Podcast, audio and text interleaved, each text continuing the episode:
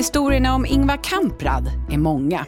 Smålandssonen som startade världens största möbelföretag och blev miljardär. Men som alltid åt varmkorv för fem spänn på Ikeas egen restaurang hellre än styrelsemiddag efter bolagsstämman. Den enkla, den vänliga, samtidigt den väldigt bestämda. Skrönorna går om hur han, även när han var världens mest framgångsrika företagsledare och som mest verkade utomlands, ändå gått in, inte bara en gång, på sina varuhus och bytt plats på saker som legat fel, enligt honom. En annan skröna berättar att han kunde sitta på möte hos produktcheferna som länge räknat på tillverkningskostnad, transportkostnad och materialkostnad för en ny produkt och kommit fram till att den här ska tas fram i miljoner exemplar och borde då kosta 190 kronor. Nej, inte mer än 150, sa Ingvar utan någon som helst bakgrundsinformation. Och sen var det färdigpratat om det. Hur cheferna tog det och hur de sen i sin tur informerade sin personal framgår inte av historierna. Men Ingvar Kamprad lydde man. Han var en ledare. Kanske den högste ledaren inom svenskt näringsliv, men ändå samtidigt en av folket. Sträng men rättvis, rak men ärlig. Eller är det en efterhandskonstruktion? Den auktoritära ledaren har alltid hyllats och lyfts fram i historien som en, ofta man, som med tydlig hand pekat mot framtiden och visat var skåpet ska stå. Men hur fungerar den typen av ledarskap i dagens samhälle? I en demokrati där alla har rätt att tycka till och känna efter. Där rättigheter är minst lika viktiga som skyldigheter. Där empati vinner makt över strategi. Behöver samhället en tydlig, enväldig ledare eller en inkännande? Och utesluter egentligen det ena det andra? Idag ska det handla om auktoritet och ledarskap i mellanchefer emellan. Ja, jag heter Karin Adelsköld. Då vill jag säga hej och välkommen till överbefälhavare general Mikael Bydén. Välkommen! Tack så mycket. Inför ditt besök idag så var väldigt många i redaktionen nervösa. Man visste inte vad man skulle handla för fika. Vår ljudtekniker kom på här att han hade glömt att stryka sin skjorta och blev supernervös. Är det vanligt att folk blir nervösa när de träffar dig? Det hoppas jag verkligen inte. Nej, men tror du det? Ja, det finns respekt för ämbetet, alltså ÖB-ämbetet, snarare än, än personen. Sen är det ju då en balans för mig att eh, jobba i den rollen. För det ska finnas, som för, påstår jag, alla höga chefer med stort ansvar ända ner till enskild individ. Så det är klart att det finns ett ansvar där och då tycker jag att det ska finnas en respekt. Men det får inte gå till överdrift. Jag, jag hoppas att ni inte har varit alltför rädda här idag. Du är väldigt fint klädd i uniform. Eh, hur mycket sitter i respekten sitter i kläderna skulle du säga? Det är nog väldigt olika. För många så, så är det ju kanske en signal om någonting som kan vara både väldigt positivt men som också kanske har en, en annan klang beroende på var man kommer ifrån och, och, hur man ser på det. Så det är klart att när jag kommer i uniform så är det ju ofta den man tittar på. Det är ju inte personen. Nej, men sen så ler du väldigt trevligt och säger hej det är Micke. Nej, men, men så är det och, och man får ju komma ihåg då vad det här är. När jag träffar er som, mm. som inte är i organisationen, men jag är ju också en person. Jag har ju också ett förnamn och det är ju viktigt för mig att kunna vara personlig samtidigt som jag då ska också kunna spela på den andra delen, den mm. allvarstyngda kanske, eller formella ska man väl säga. För du är ju ändå någonstans själva sinnebilden för en auktoritär ledare. För mig är ju ordet auktoritär ingenting som är eftersträvansvärt. Nej. Det blir mer makt och det blir eh, hela vägen till att du är den som bara bestämmer och styr och ställer. Och, och att koppla det till ett ledarskap och hur du är, jag, jag är inte riktigt med det. Auktoritet däremot, att man litar på dig och att man vill följa dig, det är ju en annan sak. Men ibland måste det också slå igenom. När det inte finns tid, då måste man ha skapat sig plattformen innan. Man kan inte gå in och vara auktoritär och tro att eh, personalen bara följer följer dig, utan du ska ju ha visat mm. att du är att lita på. Att mm. Då kan man spela på hela registret. Så var någonstans skulle du placera dig själv? Det är en helt, helt omöjlig fråga att svara ja, på. Det ja. bör man ju fråga andra. Nej, men jag, på något sätt är det ju så här. Mm. Jag är väldigt, väldigt formad av mitt yrkesval. Jag har ju mm. levt i den här världen sedan jag gjorde min värnplikt. På det sätt som jag då jobbar så har jag fått möjligheten att göra ett antal jobb. Och det är ju inte jag som har valt mig själv som ÖB. Nej. Det var inte jag som valde mig i mitt förra jobb heller, utan på något sätt har jag fortsatt att jobba på det sätt som jag tror på. Jag har sett eh, goda exempel som jag har försökt att följa, ta bort sånt som jag tycker är dåligt. Mm. Och med det så har jag fått den här förmånen och då hoppas ju jag då och tror att det på något sätt går hem. Skulle du kunna säga något exempel på saker som du har plockat bort som inte har funkat?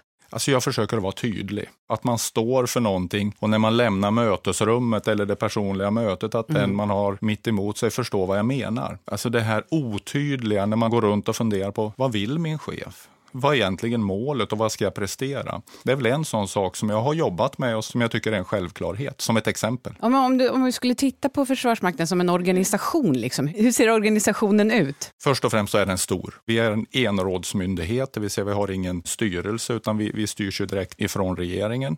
Jag har en ledningsgrupp runt mig av de högsta cheferna i Försvarsmakten som då har ansvar kan man säga i vissa tydliga områden. Det kan vara skarp verksamhet, det vill säga våran insats insatsverksamhet den dagligdagsa verksamheten på förbanden, på regementen och flottiljer. Och sen har vi militär underrättelse och säkerhetstjänsten, ett antal sådana områden. Flottiljerna, regementena, personalen, verksamheten. Så det är en bit mellan mig, ska man veta, och den enskilda soldaten och sjömannen. Jag träffade några av dina kollegor som sa att du är en väldigt rolig kille och var ju så imponerad över att du använder humor i ditt ledarskap. Gör du det? Ja, jag försöker vara mig själv. Det går inte att spela någon annan, utan det går ju inte att gå omkring och vara kul hela Nej. tiden. Och jag hoppas att det inte är det de menar. Men, men, att, man, att man måste kunna ha kul på jobbet. Mm. Att man kan skratta tillsammans och att man inte tar sig själv på alldeles för stort allvar, vilket är lätt i det här. Framförallt när man hör om den här jätteorganisationen, det är stort ansvar och då tänker jag att det är en eh, styrka att kunna skämta i allt det. Mm. Ja, men jag, jag, hoppas det och, och, det är väl också ett sätt att överleva. Att våga ha kul, att våga vara sig själv även i en lite svårare situationer. Det tror jag är väldigt viktigt.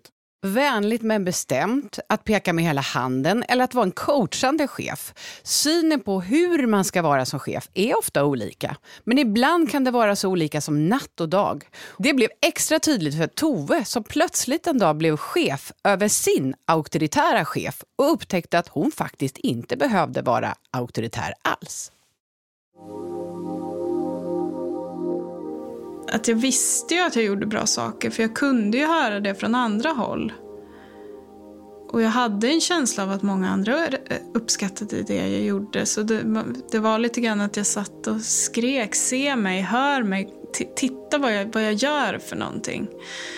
Och fick inget gehör för det eh, alls. Tove trivs inte på jobbet. Det ringer från en rekryterare. De senaste åren har Tove varit på samma företag men relationen till närmsta chefen fungerar inte. Och ändå var han den då som skulle coacha mig framåt och eh, sätta lön på mig. Men jag tyckte ju inte att han hade någon aning om vad jag egentligen gjorde för någonting. När rekryteraren ringer bestämmer Tove sig för att det är dags att byta jobb. Så då träffade jag lite olika företag och till sist så kände jag att ja, men det, här, det här är en match, hit vill jag gå. Så då går jag till min chef och säger upp mig. Och det tog han väl han inte emot så himla bra. Jag kände att eh, jag blev nästan eh, påhoppad och väldigt ifrågasatt i mitt beslut. Men jag stod ju fast vid det. Det ringer igen. Nu är det chefens chef på andra änden. Och han jaha, varför vill du sluta för? Det tycker inte vi är någon bra idé alls. Eh, vad kan vi göra för att du ska vara kvar? Då pratade vi ett tag och sen till sist så, så sa jag bara rakt ut hur det var. Att jag känner att jag trivs inte med den chefen jag har idag. Jag känner att jag inte får det jag behöver för att må bra. Chefens chef vill inte ge upp på Tove. Diskussionen fortsätter i flera timmar innan den stora frågan kommer. En vändning hon inte kunnat förutse.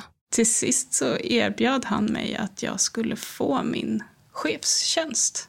Han, han frågade mig hur skulle du vilja bli chef. Och då sa jag, ja, jo, det kan jag väl se mig sådär framåt. Och då sa han, ja men om du, om du tar eh, det, det här jobbet då? Vad säger du om det? Du kan få sova på saken över helgen och så pratar vi igen på måndag. Så då kom jag tillbaka på måndagen och sa att jo men det här, det här blir bra. Från att ha sagt upp sig har Tove istället blivit befordrad. Hon har hört att hennes gamla chef ändå vill byta position och hon blir lovad att han ska hamna i en annan arbetsgrupp. Men när det kommer till kritan blir det inte så. Då hade han ångrat sig för han menade på att den kompetensen och den erfarenheten som då den förra chefen besatt var viktig för gruppen. Så, och skulle han försvinna därifrån så skulle gruppen lida av det. Och då blev det ju så att jag blev hans chef. Vi bytte plats. Chefen hon vantrivts med, vars jobb hon fått, ska Tove nu vara chef för. Det som har varit jobbigt är ju att han, eh, han har ju vid flertalet tillfällen eh, rakt och tydligt uttryckt att eh, han vill ju inte att jag skulle bli chef. Så det får man ju bära med sig hela tiden. Han går också mycket över mitt huvud, går direkt till regionchefen och jag får efterhandsinformation via regionchefen om vad som har bestämts och vad de har pratat om. Och från början var ju det väldigt, väldigt jobbigt och jag kände, kämpade och kämpade men det var bara motvind.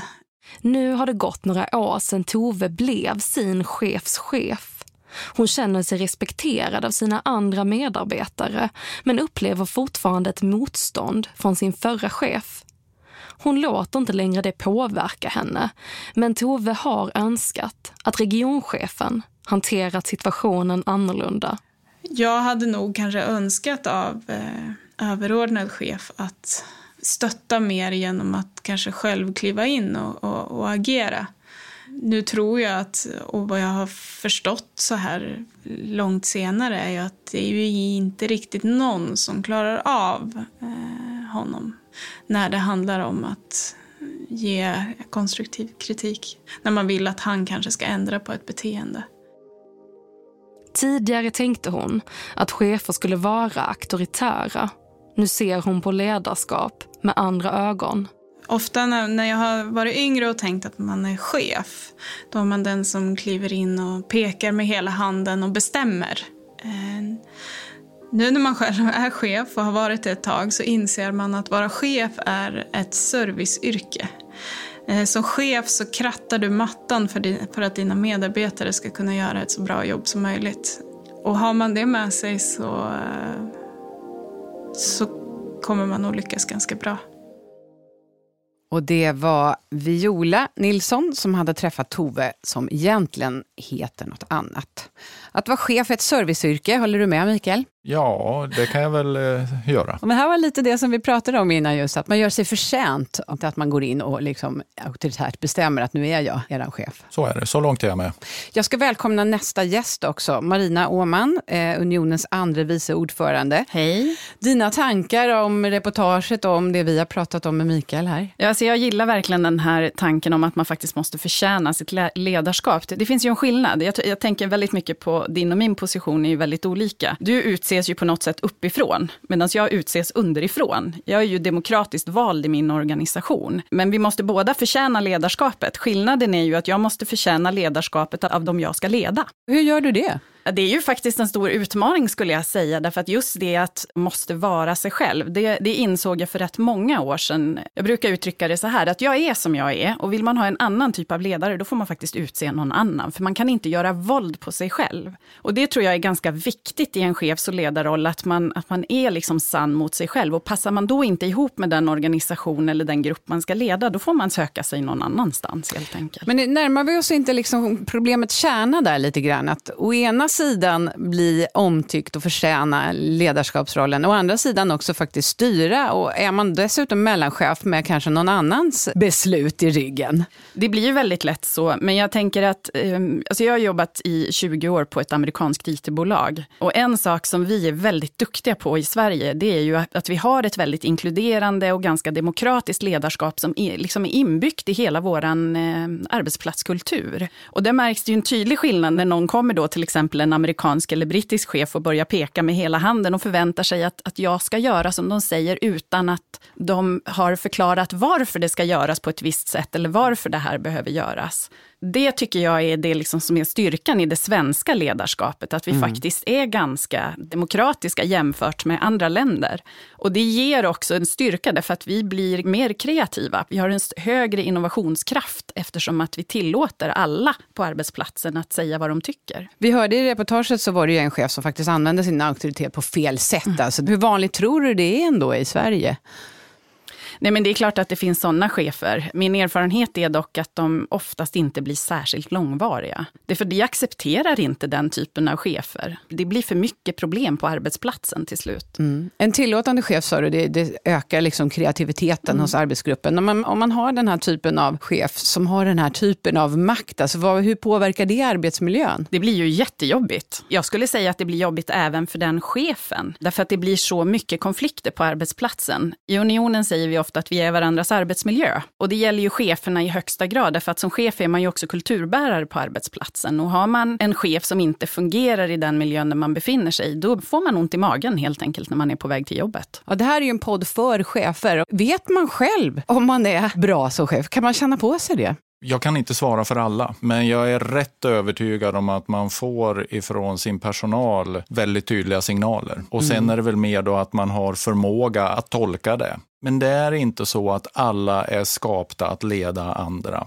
Man är otroligt duktig på väldigt många saker, men man ska inte leda andra människor, för man, det funkar inte riktigt. Och har man då dessutom inte förmågan att förstå de här signalerna och känna av, då blir det jobbigt. Så jag tror inte alla klarar av det. Jag hoppas att jag gör det. Det är precis som vi pratar om nu, alltså den här tryggheten i sig själv. Jag utgår ifrån att jag har fått det här jobbet för att jag har visat längs resan att det finns någonting som, som min uppdragsgivare tycker om. Och då får jag vara trygg i det. Jag kan inte börja fundera på hur ska jag göra nu? Ska jag förändra mig som ledare? Det har mm. jag lagt åt sidan också, men inte för så länge sedan kan jag säga. Det här är, många gånger för mig har det varit i karriären att oj, jag fick ett erbjudande. Det här är ju jättespännande. Men hur ska jag göra nu då? Mm. Den här osäkerheten, den har jag alltid burit varit med mig, men det jag har kommit fram till med åren, nej men det är inte jag som behöver göra våld på mig själv. Jag ska bara fortsätta. För någon tycker om det de ser och mm. upplever och då får mm. jag vara trygg i det. Mer självförtroende alltså? Väldigt mycket självförtroende, det kan jag säga. Mm, Min egen, man får inte tro bara för att jag har det jobbet att jag alltid har gått runt och trott på mig själv. Eller att jag skulle ha det här jobbet. Jag trodde inte jag skulle ha det här jobbet. Jag trodde inte ens att jag skulle få det när det var dags.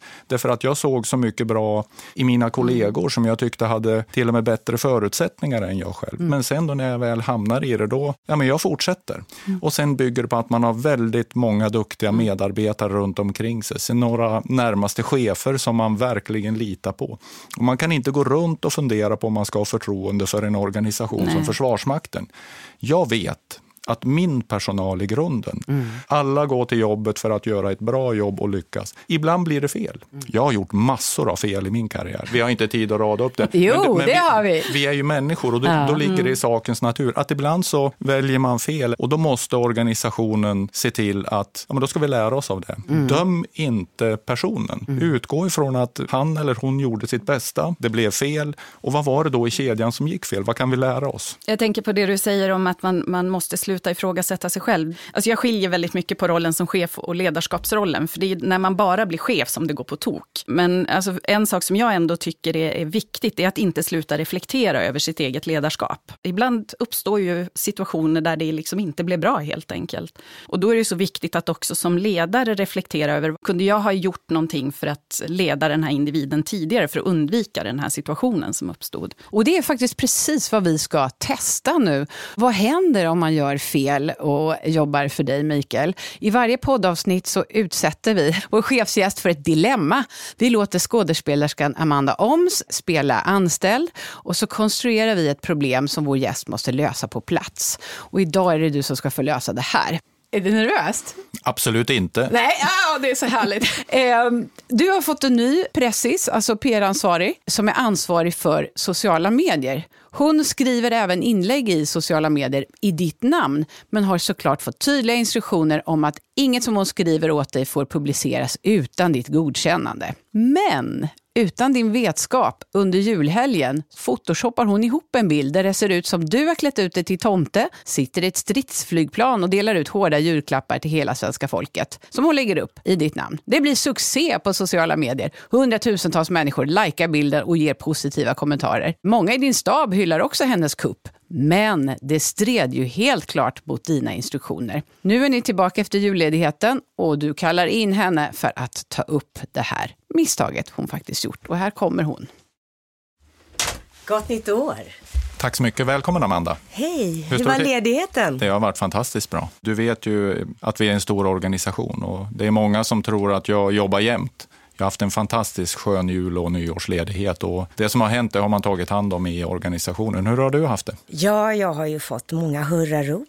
Det är väl underbart att det gick så bra. Vad tänker du på? Vi har ju diskuterat mycket om självförtroende och precis som när jag jobbade på Expressen och när jag jobbade på DN så kände jag play to win. Det är en bra principsak när vi började jobba här för bara en tid sedan, då gick vi ju igenom eh, din roll och hur det fungerar. Och, och där försökte jag vara väldigt tydlig i sånt som är viktigt för mig. Det vill säga att du ska kunna utöva din eh, roll på ett bra sätt. Och jag hoppas att jag inte har varit otydlig. Men när det kommer till sociala medier och, och de, de inlägg vi gör. Men är det skrämmande så... för dig att det blir så positivt gensvar? Jag menar, vad är kreativ frihet? Det är ju inte det jag pratar om. Det blev ju fantastiskt bra. En bild som får uppmärksamhet. Men det var också så att eh, i vår relation så har jag varit väldigt tydlig på att när du väl citerar mig eller lägger ut så går det via mig. Jag är väldigt medveten om det, men eftersom jag i min magkänsla verkligen kände att det här skulle generera det som vi faktiskt är ute efter båda två, så tänkte jag att en, det skulle bli en positiv överraskning för er faktiskt. Nu, nu blev det ju ett positivt utfall, men om vi hade stått här nu och utfallet hade blivit det andra, det vill säga en massiv kritik, hur hade vår relation utvecklats då? Det är klart att jag liksom känner ett personligt ansvar för uppgiften som jag har och jag, jag känner ju någonstans att det var lite min uppgift att liksom utveckla ert tänk, om du förstår vad jag menar. Jo, men i grunden förstår jag precis. Men du jobbar för mig. Jag har gett dig ett förtroende och jag har varit väldigt tydlig vad jag förväntar mig av dig. Men du valde medvetet att runda mig i det här fallet. Har du och, tappat och det blir... förtroendet för, för mig nu? Eller? Nej, men det, det jag pratar om det är att om vi ska kunna gå vidare så måste vi vara överens om hur vi ska jobba. Och jag uppskattar inte inte det som händer nu inför jul, att du gör det här, om ändå i väldigt god intention. Jag känner ändå att det här är ändå en utveckling liksom åt det hållet som vi ändå var överens om. Och då bryter jag där. Tack Amanda Oms som eh, alltså spelade lite nervös ändå, Pressis här. Hur kändes det? Ja, men det känns bra. Du såg kolugn ut hela tiden. Jag är imponerad över att du pratar just om förtroende och sådär. Vad säger Marina? Som sagt var, jag har ju 20 års erfarenhet eh, som en helt vanlig anställd på ett IT-bolag och då också förtroende, lokalt förtroendevald. Mm. Och jag kan bara säga att jag önskar att fler chefer var så här tydliga. För det jag som lokalt facklig då under de här åren ofta fick göra, det var förklara vad det var chefen egentligen hade sagt. Därför att chefen i all välmening lindar in budskapen så mycket så att det till slut blir helt obegripligt. Här var det ju vänlig men bestämt. Mm. Hur, hur, var din strategi? Som jag då förstår situationen, Amanda är ny. Hon kommer inte från min egen organisation. Hon bär ju in någonting som vi då behöver, det vill säga förståelsen för vad det här är, att vi ska få genomslag. Och, och hon vill ju också bara väl. Hon har ju inte gjort det här i, i någon illvilja, åtminstone är det första gången det händer. Så det är min utgångspunkt. Mm jag måste ju klara ut om det vi har kommit överens om att det stämmer. Och det mm. gjorde det ju. Hon har ju gjort fel och så blir det positivt. Och då är det ju svårt. Att börja skälla, det skulle jag inte göra. Om man inte har brutit mot en regel eller ett, en lag och förordning medvetet, mm. då måste man få en andra chans. Jag pratar mycket om ansvarskultur. Jag ger ju ansvar och uppgifter till min personal som går långt utöver det som man gör i andra organisationer. Och då förväntar jag mig att en chef under mig eller personalen tar det här ansvaret. Så hela kedjan måste fungera. Det är därför vi är den organisation vi är, som kan ses som auktoritär för att vi går i uniform. Men det som har en mycket, mycket tydlig etisk, moralisk kompass som vilar i en värdegrund som måste vara väldigt, väldigt stadig. Så där tar jag min utgångspunkt, även för en pressis. Mm. För hon är en del av maskineriet. Och allting måste hänga ihop. Mm. Hon kommer att få en andra chans, men hon måste kvittera att hon förstår.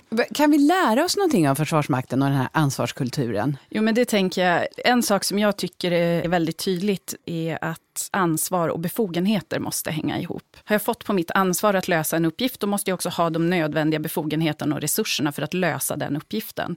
Det gäller oavsett organisation och det gäller oavsett position i organisationen. Jag måste förstå vad min uppgift är. Mm. När man gör studier och intervjuar svenska chefer så säger de alltid att jag önskar att jag kunde vara lite bättre, lite tydligare i mitt ledarskap. Hur gör man för att förtjäna sitt ledarskap? Jag tänker så här att är man ledare i en organisation så måste man komma ihåg att mitt huvuduppdrag i den organisationen blir då att leda.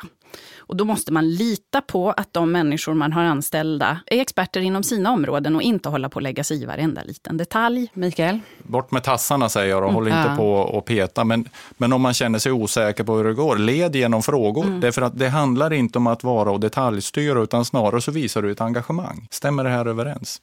Och sen är det så här, ledarskap för mig är väldigt mycket relationer. Mm. Om jag skulle skriva en ledarskapsbok så blir den väldigt tunn. Jag tycker inte att det är särskilt svårt eller jag tycker inte att det är särskilt mycket att prata om. Man måste förstå vem man har med att göra. Mm. Man har att göra med en människa eller flera. Vi har behov av att synas och höras, att komma till tals, att bli uppmärksammad, att få klappen på axeln eller tillrättavisningen. För i ansvarskulturen är det ju att ge, ta och utkräva ansvaret när så behövs. Jag kan ju med hela handen peka och säga gå i den riktningen. Men om ingen tror på mig, Nej. då spelar det ingen roll hur högt jag ropar. Jag ser fram emot den boken, Mikael. Sen tycker jag också det är väldigt befriande att höra att även ÖB kan ha dåligt självförtroende ibland. Ja, jag är bara en människa med mina fel och brister och ibland behöver jag också klappen på axeln. Någon har skvallrat om ett fel du gjorde en gång. Det var någon grantopp som rök med. Det är faktiskt en tall.